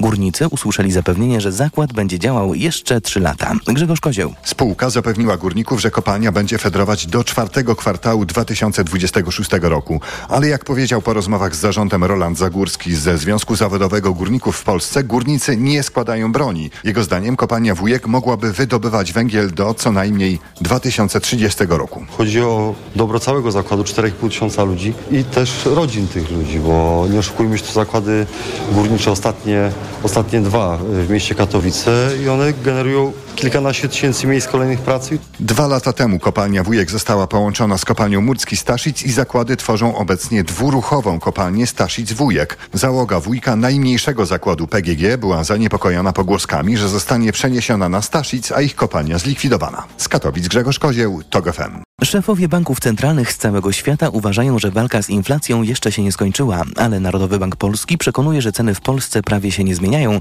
a z Rady Polityki Pieniężnej słychać głosy o cięciu stóp procentowych. Tego optymizmu nie podzielają szef amerykańskiej rezerwy federalnej czy szefowa Europejskiego Banku Centralnego. Mówiła o tym w TOK FM Beata Jaworcik z Europejskiego Banku Odbudowy i Rozwoju. Pozostają oni bardzo ostrożni w swoich wypowiedziach, czyli nie deklarują jeszcze obniżek stóp procentowych, ponieważ tych niewiadomych jest bardzo dużo. Inflacja w Polsce wciąż jest dwucyfrowa. Zdaniem ekspertów poniżej 10% możemy zejść dopiero we wrześniu. Są obecni senatorowie, samorządowcy i kilka głośnych nazwisk. Trzecia droga, czyli koalicja PSL Polska 2050, oficjalnie przedstawiła swoich kandydatów do Senatu. O kolejną kadencję powalczą m.in. Michał Kamiński, Filip Libicki i Kazimierz Michał Ujazdowski. Wśród nowych twarzy są za to były premier Waldemar Pawlak czy generał Mirosław Różański. Mówią liderzy obu ugrupowań tworzących trzecią drogę Władysław Kośniak-Kamysz i Szymon Hołownia. Prawie 30 okręgów w gestii Polskiego Stronnictwa Ludowego i Polski 2050. To jest bardzo silna drużyna z wspaniałymi ludźmi oddanymi sprawie, e, którzy przychodzą czasem z różnych stron. My jako Polska 2050 pierwszy raz bierzemy udział w pakcie senackim. Zależało nam na tym, żeby nasi kandydaci mieli ten znak jakości, który przynoszą ze sobą ze swojego dotychczasowego życia. Tworzące pakt senacki Koalicja Obywatelska, Lewica i Trzecia Droga liczą, że w październikowych wyborach kandydaci opozycji zdobędą nawet 65 mandatów w liczącej 100, 100 miejsc Izbie Wyższej. Były wicepremier w rządzie Prawa i Sprawiedliwości będzie musiał najprawdopodobniej zmienić zdanie w sprawie aborcji. Roman Giertych znalazł się na liście kandydatów Koalicji Obywatelskiej do Sejmu, a lider PO od dawna zapowiada, że startować do parlamentu z poparciem jego ugrupowania będą mogli wyłącznie zwolennicy prawa do przerwania ciąży przez pierwszych 12 tygodni. Rzecznik PO Jan Grabiec mówił o tym dzisiaj w poranku TOK FM. To jest ważna sprawa dla naszych wyborców. Jest elementem naszego programu. Jest czymś naturalnym i oczywistym. Pilnuje tego Donald Tusk, żeby tej obietnicy naszej, że w tej sprawie będzie obowiązywała dyscyplina i wszyscy członkowie klubu Koalicji Obywatelskiej zagłosują za. Nieoficjalnie mówi się, że Roman Giertych ma w tym tygodniu publicznie odnieść się do kwestii aborcji. A my już dziś wieczorem stawiamy Państwu w mikrofonie TOK FM takie pytanie. Zdarza się, że politycy zmieniają poglądy, nawet na zupełnie przeciwne. A czy Ty kiedyś zmieniłeś swoje przekonania? Dlaczego? Karolina Kłaczyńska i Paweł Sulik czekają na telefony pod numerem 22 44 044. Teraz to wszystko. Kolejne wydanie informacji o 22. Pogoda. Wieczorem zachmurzenie duże, synoptycy zapowiadają deszcz. W centrum kraju zagrzmi, podobnie na wschodzie, gdzie wiatr powieje z prędkością nawet 100 km na godzinę. Jutro od 17 do 19 stopni Celsjusza na zachodzie, a na wschodzie od 25 do 28 stopni. Radio TOK FM. Pierwsze radio informacyjne. Mikrofon, Tok FM. Tok FM. 7 minut po godzinie 21 trwa program Mikrofon Tok FM. Dziś rozmawiamy o zmianach w Państwa w życiu i to takich zmianach, które dotyczą postaw, poglądów, a może czegoś jeszcze, ale co na pewno Państwo identyfikują jako coś wywołanego przez informacje, fakty, e, głębokie przemyślenia, a może i emocje, a może po prostu autorytety. Nie wstydźmy się tego, że zaczęliśmy się uczyć pewnych rzeczy, dlatego że fascynowali nas ludzie, którzy je już umieją. A może chodziło tutaj o zupełnie inne rzeczy, zupełnie niezwiązane z naszym systemem postrzegania świata, szeroko tak to ujmę. Ale na przykład z czysto e, jakimiś e, sprawami rodzinnymi albo przyjacielskimi. No, mieliśmy przyjaciół, którzy wyznawali wspólne wartości, nagle oni się od nas odwrócili i jakoś tak się złożyło, że my przestaliśmy te wartości z nimi dzielić. Tylko z tego powodu, że przestaliśmy mieć dobre relacje. Może i Państwo mają takie doświadczenia. 22 4 4 0 44. Pan Józef Zopola jest z nami. Dobry wieczór, Panie Józefie. Dobry wieczór, kłaniam się. Słuchamy Pana. E, ja chciałem powiedzieć, e, tak powiedzmy, zupełnie z innej strony, mhm. jak moi poprzednicy, wystąpiłem z Kościoła katolickiego 5 lat temu nie dlatego, że nie podobali mi się księża, czy jeździli wypasionymi samochodami, ale dlatego, że odkryłem pewne prawdy, które zmieniły mój pogląd w ogóle na, na religię katolicką, na religię chrześcijańską. Studiowałem bardzo. Mhm. A dokładnie jak pan, jak pan odkrył te prawdy, proszę powiedzieć, panie Józefie? Bardzo proste. Mhm. Mm, studiując Biblię, Stary Testament, Nowy Testament, e, nie wiedziałem, że należy najpierw postawić na pierwszym miejscu prawdy historyczne, czyli takie fakty historyczne, e, na których opierają się te mm, wszystkie różnego rodzaju um, teksty. I na przykład podam taki jeden bardzo ważny fakt historyczny. Mhm. E, otóż bramy Jerozolimy mhm. zamykano przed zachodem słońca, otwierano po wschodzie słońca. Jeżeli ktoś wie o co chodzi, to mhm. zaraz sobie to zestawi z tym wszystkim, co zostało napisane w Ewangelii mhm. i dojdzie do tego, że to, co zostało napisane w Ewangelii Jana, czy Łukasza, czy Matusza, czy mhm. E, Marka, jest nieprawdą. Panie Józefie, ale czy to znaczy, że pan y, y, przestał w ogóle wierzyć, czy pan po prostu przestał wierzyć w taką interpretację y, Pisma Świętego? To znaczy, jest tylko jedna interpretacja Ewangelii i ona jest głoszona przez Kościół katolicki. Natomiast... Panie Józefie, ja, bardzo wiele osób inaczej interpretuje Ewangelię. Tak, tak, ale chodzi o to, że pan. Ludzie, oprzeć, tak, oprzeć o fakty historyczne. Jeżeli załóżmy ja, to, co powiedziałem, a to jest bardzo ważne, e, jeżeli ktoś studiuje Ewangelię, to stwierdzi, że Jezus hmm. nie mógł wyjść po pasrze, czyli e, mhm. wieczorem po pasrze, przez zamknięte bramy Jerozolimy do ogrodu Getsemani, ponieważ Józefie, było to niemożliwe. Ja rozumiem, tylko y, akurat w w Ewangeliach nic nie ma o furtkach, bramach i ubytkach w murze, które mogły istnieć wtedy i nie znamy dokładnie tych szczegółów. Czy to, dlaczego pan w ogóle zaczął te sprawy, że się tak wyrażę, drążyć? Co to spowodowało? Dlaczego, dlaczego pan w pewnym momencie zaczął konfrontować Pismo Święte, jak pan mówi, z faktami historycznymi? Y, pierwszy fakt. E, zawsze to mnie zastanawiało, bo Izraelici cały czas czekają na Mesjasza. A więc to mnie zawsze zastanawiało, dlaczego oni nadal czekają na Mesjasza. Trzy tysiące lat minęło, a oni cały czas czekają na Mesjasza. Dlaczego akurat nie mogą zaakceptować Jezusa z Nazaretu? Prawda? Trzeba tutaj podać jeden bardzo, jedno bardzo ważne zdanie, że Jezus Nazare, z Nazaretu nie jest Mesjaszem. Panie Józefie, ja rozumiem, że pan wierzy w to, ale ludzie mogą wierzyć w coś innego i mają do tego absolutnie pełne prawo. Mało tego w naszym kraju prawo, które konstytucyjnie chronimy. Panie Józefie, co spowodowało to, że pan zaczął się nad tym wszystkim zastanawiać? Co, nie wiem, e, czy ktoś pan, panu o tym powiedział, czy obejrzał pan program w telewizji, przeczytał pan jakąś książkę? Nie, nie, nie. nie. E, e, tak jak powiedziałem, e, studiowałem bardzo, bardzo głęboko, na zimno, bardzo zimno teksty, te wszystkie różnego rodzaju Starego Testamentu. Dobrze, to jeszcze raz zapytam. Panie Józefie, a czy to się zaczęło dziać w szkole średniej, na studiach, albo nie wiem, w szkole podstawowej? Albo... Nie, pięć lat temu. To Dlaczego akurat, pięć lat temu akurat? Yy, no, to mogę podać y, datę. To było 1 lipca 1000, 2018 roku. Ale dlaczego akurat wtedy? Czy, to, czy nie wiem, miał pan jakiś ta, czas w życiu, że pan miał, nie wiem, no więcej czasu, albo nie wiem, książkę nie, pan jakoś kupił, nie wiem. Hmm, chodzi o to, że to wszystkie, te wszystkie różnego rodzaju... Nie, Aha. chodzi o...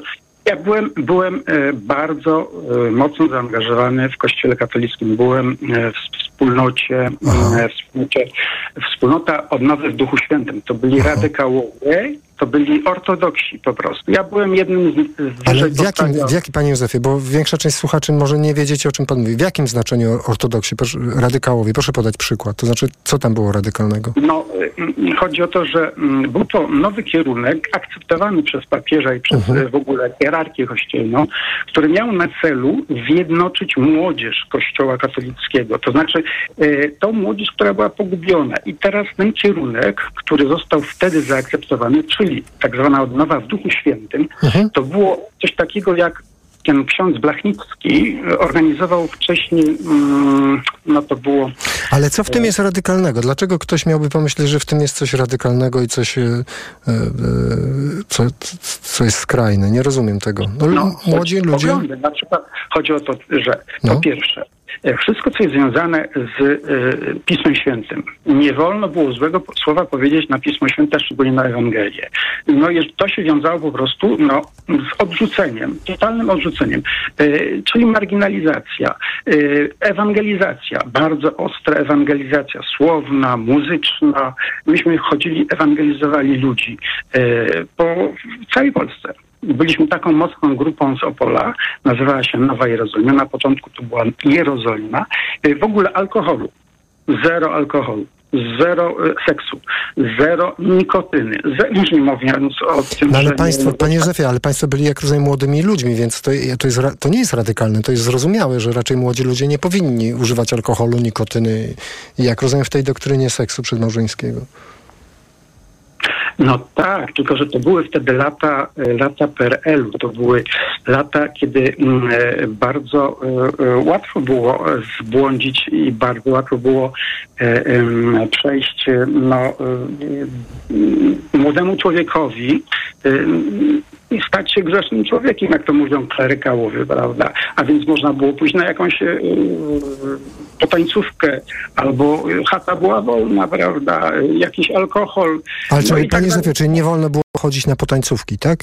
Na przykład? Myśmy akurat nie chodzili na potańcówki, mhm. bo nam to nie interesowało. Woleliśmy studiować Pismo Święte. Panie Józefie, bardzo dziękuję, że pan do nas zadzwonił. Musimy kończyć, bo bardzo wiele osób dzisiaj do nas dzwoni. Bardzo dziękuję za pana głos. Pan Józef z Opola był z nami.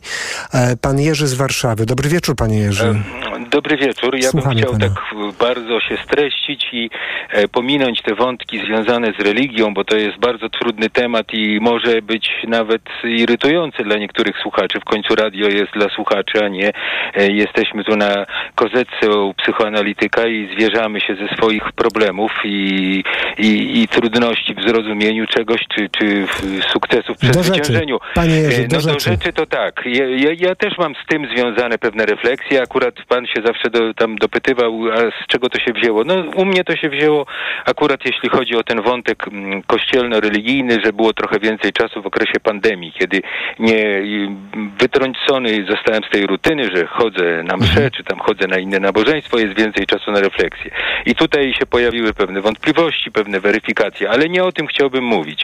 Drugi punkt, bo pan poruszył wprowadzając do audycji temat polityków, którzy zmieniają poglądy. Oczywiście mogą zmieniać poglądy, tylko moja uwaga jest taka, żeby przekonali wyborców, że oni te poglądy zmienili, bo do tej pory na przykład o panu Giertychu to mówią wszyscy inni, różni komentatorzy, ja nie wiem, co on sam o tym sądzi, na przykład. On powinien najbardziej uczciwej wersji startować ze swojego komitetu, spotykać się z wyborcami, przekonać, że jest teraz ma inne poglądy i wejść albo nie wejść, to już jest inna sprawa.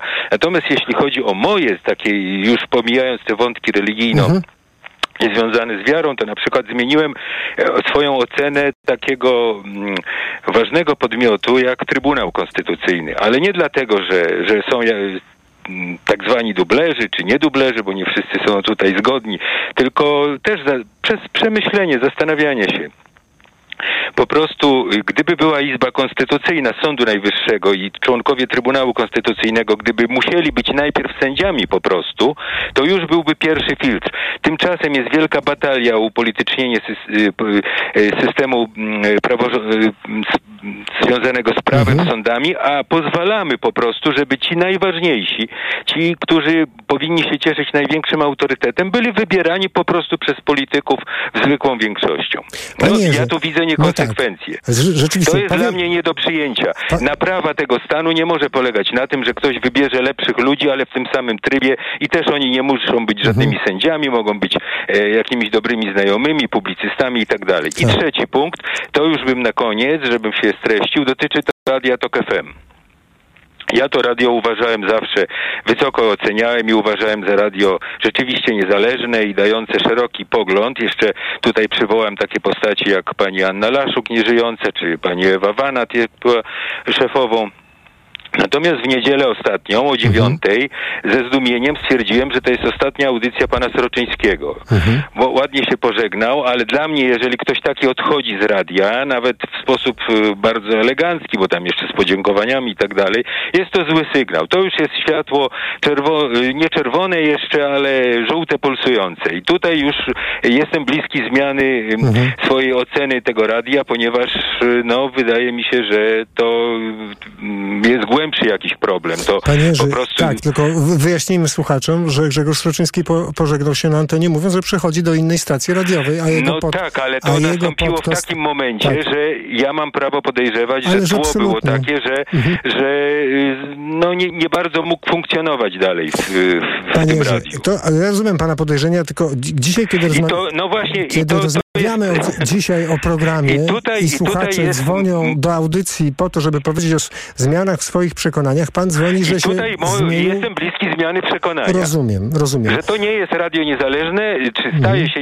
coraz mniej radiem niezależnym, coraz bardziej radiem e, e, takim moralizatorsko-propagandowym, no to taka znacząca postać odeszła. Mhm. Panie Jeśli- ale ja przyjmuje pan argument ten, że odeszła z własnej woli? Przyjmuję, aczkolwiek e, no po prostu kontekst tego odejścia, odwołanie tak zwanego panelu symetrystów, nagonka na tak zwanych symetrystów, pozostaje pe, tu pewien Niesmak. niedosyt informacyjny i Aha. można snuć różne podejrzenia, że to nie była taka zwykła zmiana personalna. Ale jak rozumiem, dopuszcza pan takie sytuacje, o których tu słuchacze mówili, że zmieniają swoje poglądy, ale nawet kilka... Tak, kilka... wynika to z tego, to jest tak jak w nauce, proszę pana. Jeżeli e, wyznajemy jakąś teorię, a doświadczenie i przekonuje nas, Że jest inaczej, e, tak. że, że jest inaczej, to zmieniamy poglądy. Po prostu każdy A był właśnie. wychowany w jakimś, Tak. e, e, w jakimś systemie. Roman Dokładnie. Giertych miał ojca, który był działaczem narodowej demokracji w tych warunkach został wychowany i, i kontynuował tę linię. Ma prawo zmienić poglądy, tylko wracając do niego, to ja bym chciał od niego to usłyszeć Tak, i jego tym, jakieś tak. wyznanie wiary, natomiast nie przez tego- publicystów tak. oceniany, bo na przykład Mhm. tego, tego nie lubi, z tym się lubi i ten, Po- który go lubi, mówił mówił pan o tym na, po, mówił pan o tym, tak panie Jerzy. No, to już jest panie tak Jerzy, trochę mówił nieładnie, pan o tym no, na bo początku. w końcu nie wiadomo, czy on zmienił te poglądy, Panie czy on Jerzy, po prostu mówił zmienił... pan o tym na początku, na początku już pan o tym powiedział, panie Jerzy, No przypominam. właśnie, no to tak ja- A nie odpowiedział pan na podstawowe pytanie dzisiejszego wieczoru. Jaki Czyli pogląd weryfikacja, myślenie, zastanawianie się, trzeba mieć chwilę na refleksję, na poskładanie tych Zaraz, zaraz, wszystkich zaraz, zaraz, klocków ale proszę podać i... przykład. No właśnie przykład to jest ten Trybunał Nie, Konstytucyjny. nie, nie, nie, panie Jerzy, to ale jest... z Trybunałem Konstytucyjnym to trochę ma pan prost... Jest, jestem zaskoczony, jak część słuchaczy, tym, co pan powiedział, ale jednak to jest prosty przykład, ponieważ były dyskusje, były, e, nie wiem, jest walka polityczna na ten temat. Są, Ale to a nie- nie, nie było związane akurat z walką polityczną. To było związane z pewnym e, felietonem Roberta Gwiazdowskiego, który się w A. Interii ukazał. I on tam w ogóle był przeciwnikiem Trybunału, ale powiedział, że jeżeli już, no to raczej powinno to być z sędziów, i, bo sędziowie są Rozumiem. e, Mówił pan o tym. jakiś filtr muszą przejść. Mówił pan o tym. Panie Jerzy, czy ja dobrze No rozumiem, właśnie. że pan, że pan e, przeczytał artykuł i później I poracjonalizował... zastanawiałem się, Aha, czy to jest okej. słuszne i doszedłem do wniosku, że tak, tak, Po jest prostu. słuszne. Panie Jerzy, bardzo dziękuję za to, że pan do nas zadzwonił. Życzymy wszystkiego dobrego. Do usłyszenia. Pan Arkadiusz z Józefowa jest z nami. Dobry wieczór, panie Arkadiuszu. E, Dobry wieczór pan. Dobry Dobry wieczór. wieczór. Państwu. Słuchamy pana. Redaktorze, e, przede wszystkim bardzo dziękuję za to, że taki temat został podjęty. Jest on dla mnie ogromnie ciekawy. Mm, Przyznam się, że jestem Państwa słuchaczem od niedawna, całkiem przypadkiem. e, Grzebiąc w aucie, robiąc coś przy samochodzie, przyłączyłem na Państwa radiostację. Mm, To też zaciekawiły mnie Państwa audycje, Państwa pogawędki. E, Szczególnie w dniu dzisiejszym. E, Powiem tak, e, tak jak pan redaktor powiedział, mam na imię Arkadiusz, mam 43 lata, pochodzę, mieszkam w okolicach Warszawy. W Warszawie się też urodziłem. Przechodząc bezpośrednio do tematu audycji, powiem tak, od zawsze jako mały chłopiec urodziłem się, dorastałem w rodzinie bardzo wierzącej, praktykującej z granic województwa mazowieckiego i Podlasia. E, Mam 43 lata, więc y, pamiętam nabożeństwa majowe, pamiętam to, że członkowie mojej najbliższej rodziny byli bardzo zaangażowani w życie kościoła, ten kościół był zawsze blisko, y, ta religia. y, W jaki sposób mnie to zainteresowało, pociągnęło, zostałem w jednej z- dzielnic Warszawy ministrantem. Y, Przez wiele lat y, też byłem tym ministrantem. Yy, pojawiły się nawet myśli o, o tym, żeby w, yy, zostać księdzem. Yy, w moim życiu modlitwa, różaniec, koronka do miłosierdzia, jako nasto, młodego chłopca, nastolatka była jakby na porządku yy, dziennym.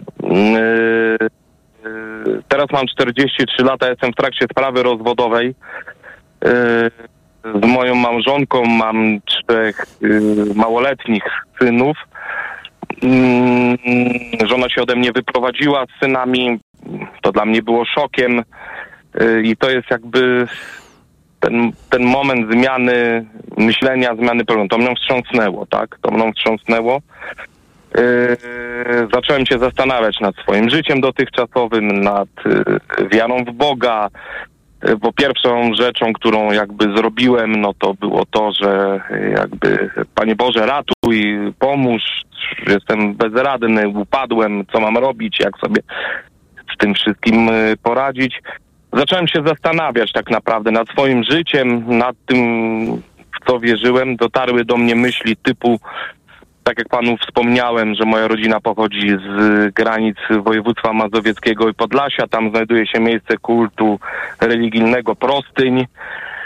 E, jest ona w bezpośrednim sąsiedztwie miejsca zagłady e, Treblinki.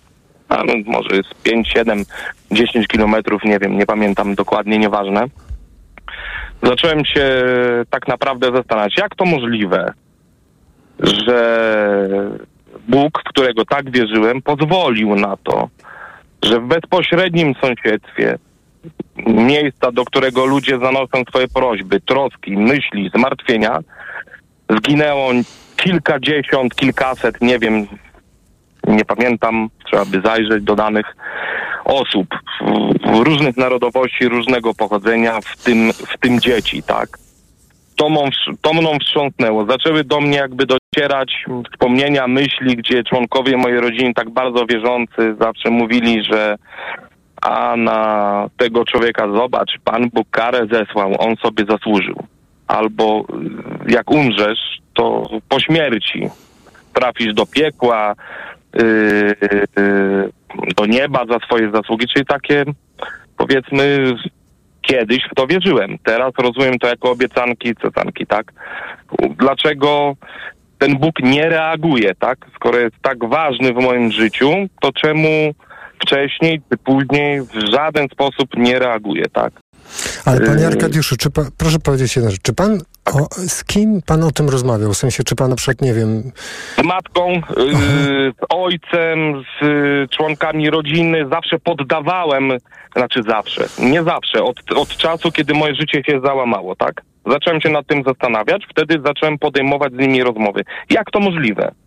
że y, miejsce kultu Bożego Prostyń znajduje się w bezpośrednim sąsiedztwie Treblinki i tam Bóg dopuścił y, jakby możliwość takiej tragedii. Nie zainterweniował. Pierwsza wojna światowa, druga wojna światowa. Y, w odpowiedzi słyszałem słowa Mm, no Pan Bóg rozliczy po śmierci, trafisz do nieba, trafisz do piekła, przyjdzie czas, Pan Bóg rychliwy, mhm. sprawiedliwy, ale nierychliwy, tak? Y, I tego nie rozumiem, tak? To spowodowało, że zacząłem się odcofać, odwracać, no, no straciłem wiarę, tak? Stałem się człowiekiem niewierzącym, lub inaczej, zbłąkanym. Nie mogę w tym momencie powiedzieć, że jestem niewierzący, ale zagubiony, zbłąkany, zastanawiam się nad tym wszystkim, czy to ma sens, y, jak to możliwe. Yy, oczywiście pojawiły się w rodzinie, z którą dzieliłem się moimi przemyśleniami znajomych, że niewierny Tomasz, no, zostały przy, przytaczane tego typu argumenty, które do mnie nie, niestety nie przemawiają. Ja nad tym ubolewam, tak? Y, mój przyjaciel z ławy szkolnej powiedział, że tylko ludzie słabi yy, szukają wsparcia yy, w religii, bo ci, którzy, sto, którzy stoją sztywno, to idą twardo przeżycie, tak, jak górale.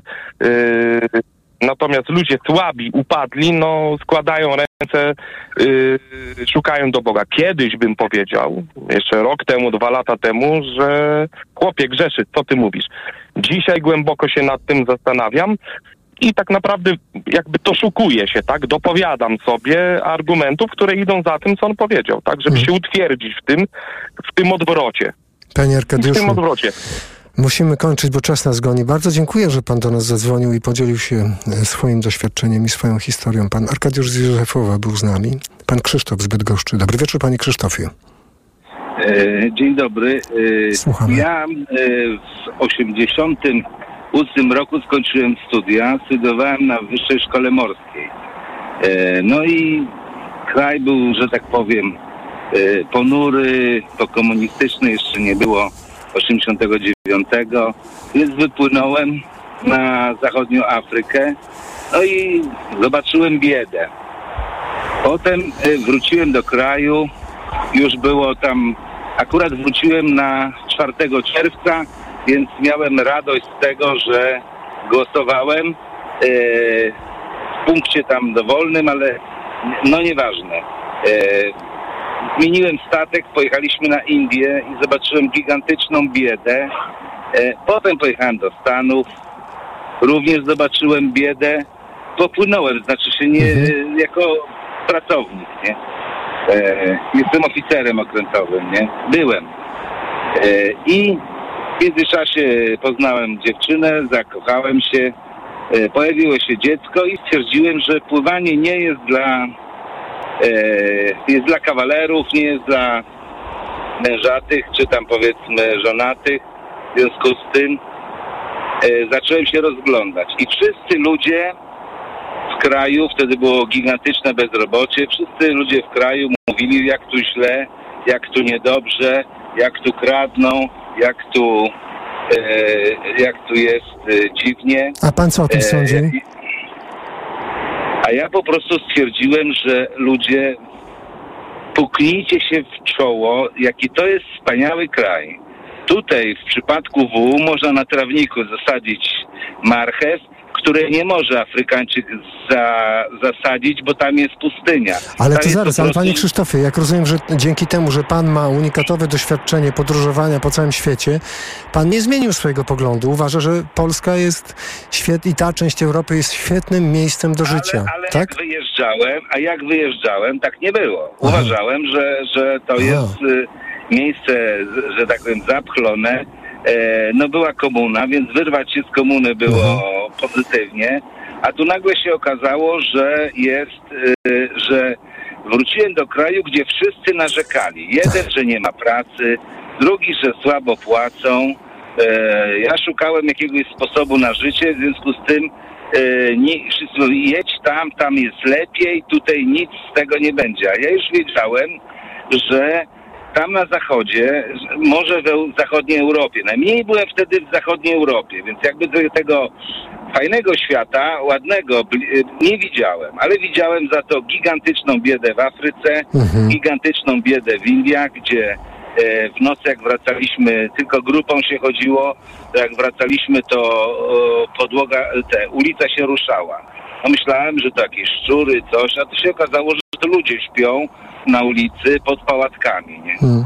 Panie Krzysztofie, tam też było mnóstwo. Panie Krzysztofie, natomiast, musimy ale- powoli ko- kończyć i do ale puenty. Wniosek, ale Tak. wniosek jest taki. Aha.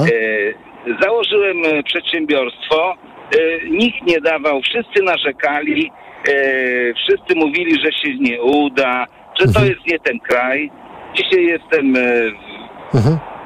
Zadowolony z, z efektu swojej własnej pracy e, i powiem tak, e, i to ta przemiana, że ja widziałem, że tam jest bieda, wzmocniła mnie, nawet jeżeli tutaj miałem słabe, e, słaby początek, czy tam średni początek, to e, wiedziałem, że to jest to miejsce, któremu się należy że tak powiem, praca, że temu miejscu się należy e, zainteresowanie i staranie. Nie, nie wiedziałem niestety, że politycy mogą to spieprzyć, ale to jest jakby zupełnie całkiem e, inny temat. Byłem e, niezainteresowany wtedy polityką, a jeżeli e, Ale to nie, to zaraz. Z Pana doświadczeń, i jak rozumiem z tego, co Pan dotychczas powiedział, to ja rozumiem, że naturalny wniosek jest taki, że akurat teraz na wybory Pan pójdzie i Pan przemyśli, na kogo odda Pan głos, tak? No tak, ale to, to jakby Mhm. powiedzieć, na kogo oddam, no oddam właśnie y, na Rudego. Ale nie, no ale to Pana, spra- pana sprawa, na kogo Pan odda głos, to nie ma żadnego znaczenia. A Pan ma tak jakby doświadczenia planetarne w tej kwestii, jeśli chodzi o porównywanie różnych... Chodzi o to, że Mhm. ludzie nie, wierzy, nie, wiedzą, nie wierzą, e, że, że ten kraj, e, gdyby się jemu poświęcić czas, gdyby jemu poświęcić pracę i gdyby e, ludzie umieli tutaj kapitał e, kumulować, to jest największa wada tego Panie Krzysztofie, to jest, mówi Pan chyba o temacie, który będzie dobrym tematem kolejnych programów Mikrofon Tok FM. Bardzo dziękuję, że Pan do nas zadzwonił. Pan Krzysztof z Bydgoszczy e, był z nami. Bardzo dziękuję wszystkim, którzy zadzwonili, tym, którzy komentowali i nadal, jak widzę, komentują na portalu Facebook, na profilu Radia Tok FM. E, a dziękuję w imieniu Karoliny Kłaczyńskiej, która przygotowywała i wydawała dzisiejszy program i Jacka Kozłowskiego, który go realizował. Przed nami książka na głos. Książkę Richarda Osmana Czwartkowy Klub Zbrodni. Czytać będzie dla Państwa Filip Kosior. Za 27 minut 22. I informacje Radia Tok FM, na które gorąco zapraszam. Informacje przygotowuje Piotr Jaśkowiak. Po informacjach, skoro dziś wtorek, to cykliczny program Los Polandos, czyli niepolski punkt widzenia. Dziś, proszę Państwa, bardzo specjalny gość. Będziemy rozmawiali o tym, jak bardzo podobne jest Podlasie do Łotwy. E, ja- Jak to możliwe, że, e, że są takie elementy, które są wręcz nieodróżnialne? To jeden z tematów, który poruszy nasz dzisiejszy gość. Bardzo zapraszam na dzisiejsze wydanie programu Los Polandos. Nie polski punkt widzenia, dziś łotewski punkt widzenia. Mikrofon, Tok FM. Tok FM.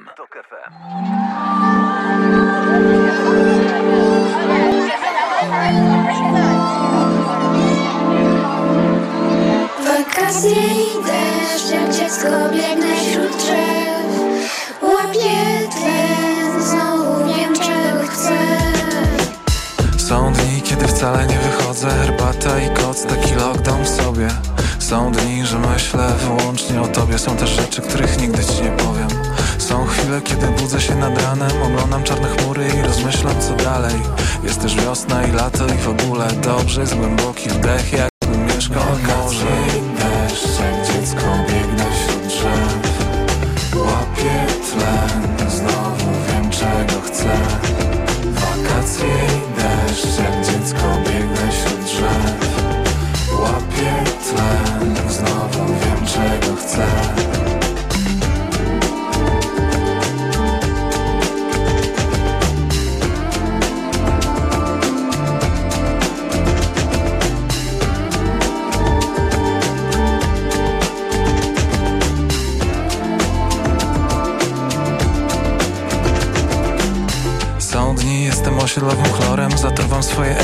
sięgam po kole. Są dni, że zatracam się w locie Zagaduję nieznajomych i nie pytam o ogień. Są chwile, kiedy budzę się nad ranem Oglądam czarne chmury i już wiem co dalej. W głowie włączam latarkę i staje się jasne. Nie jesteśmy tu przecież tak całkiem na marne. Nie jesteśmy tu przecież tak całkiem na marne. Wakacje i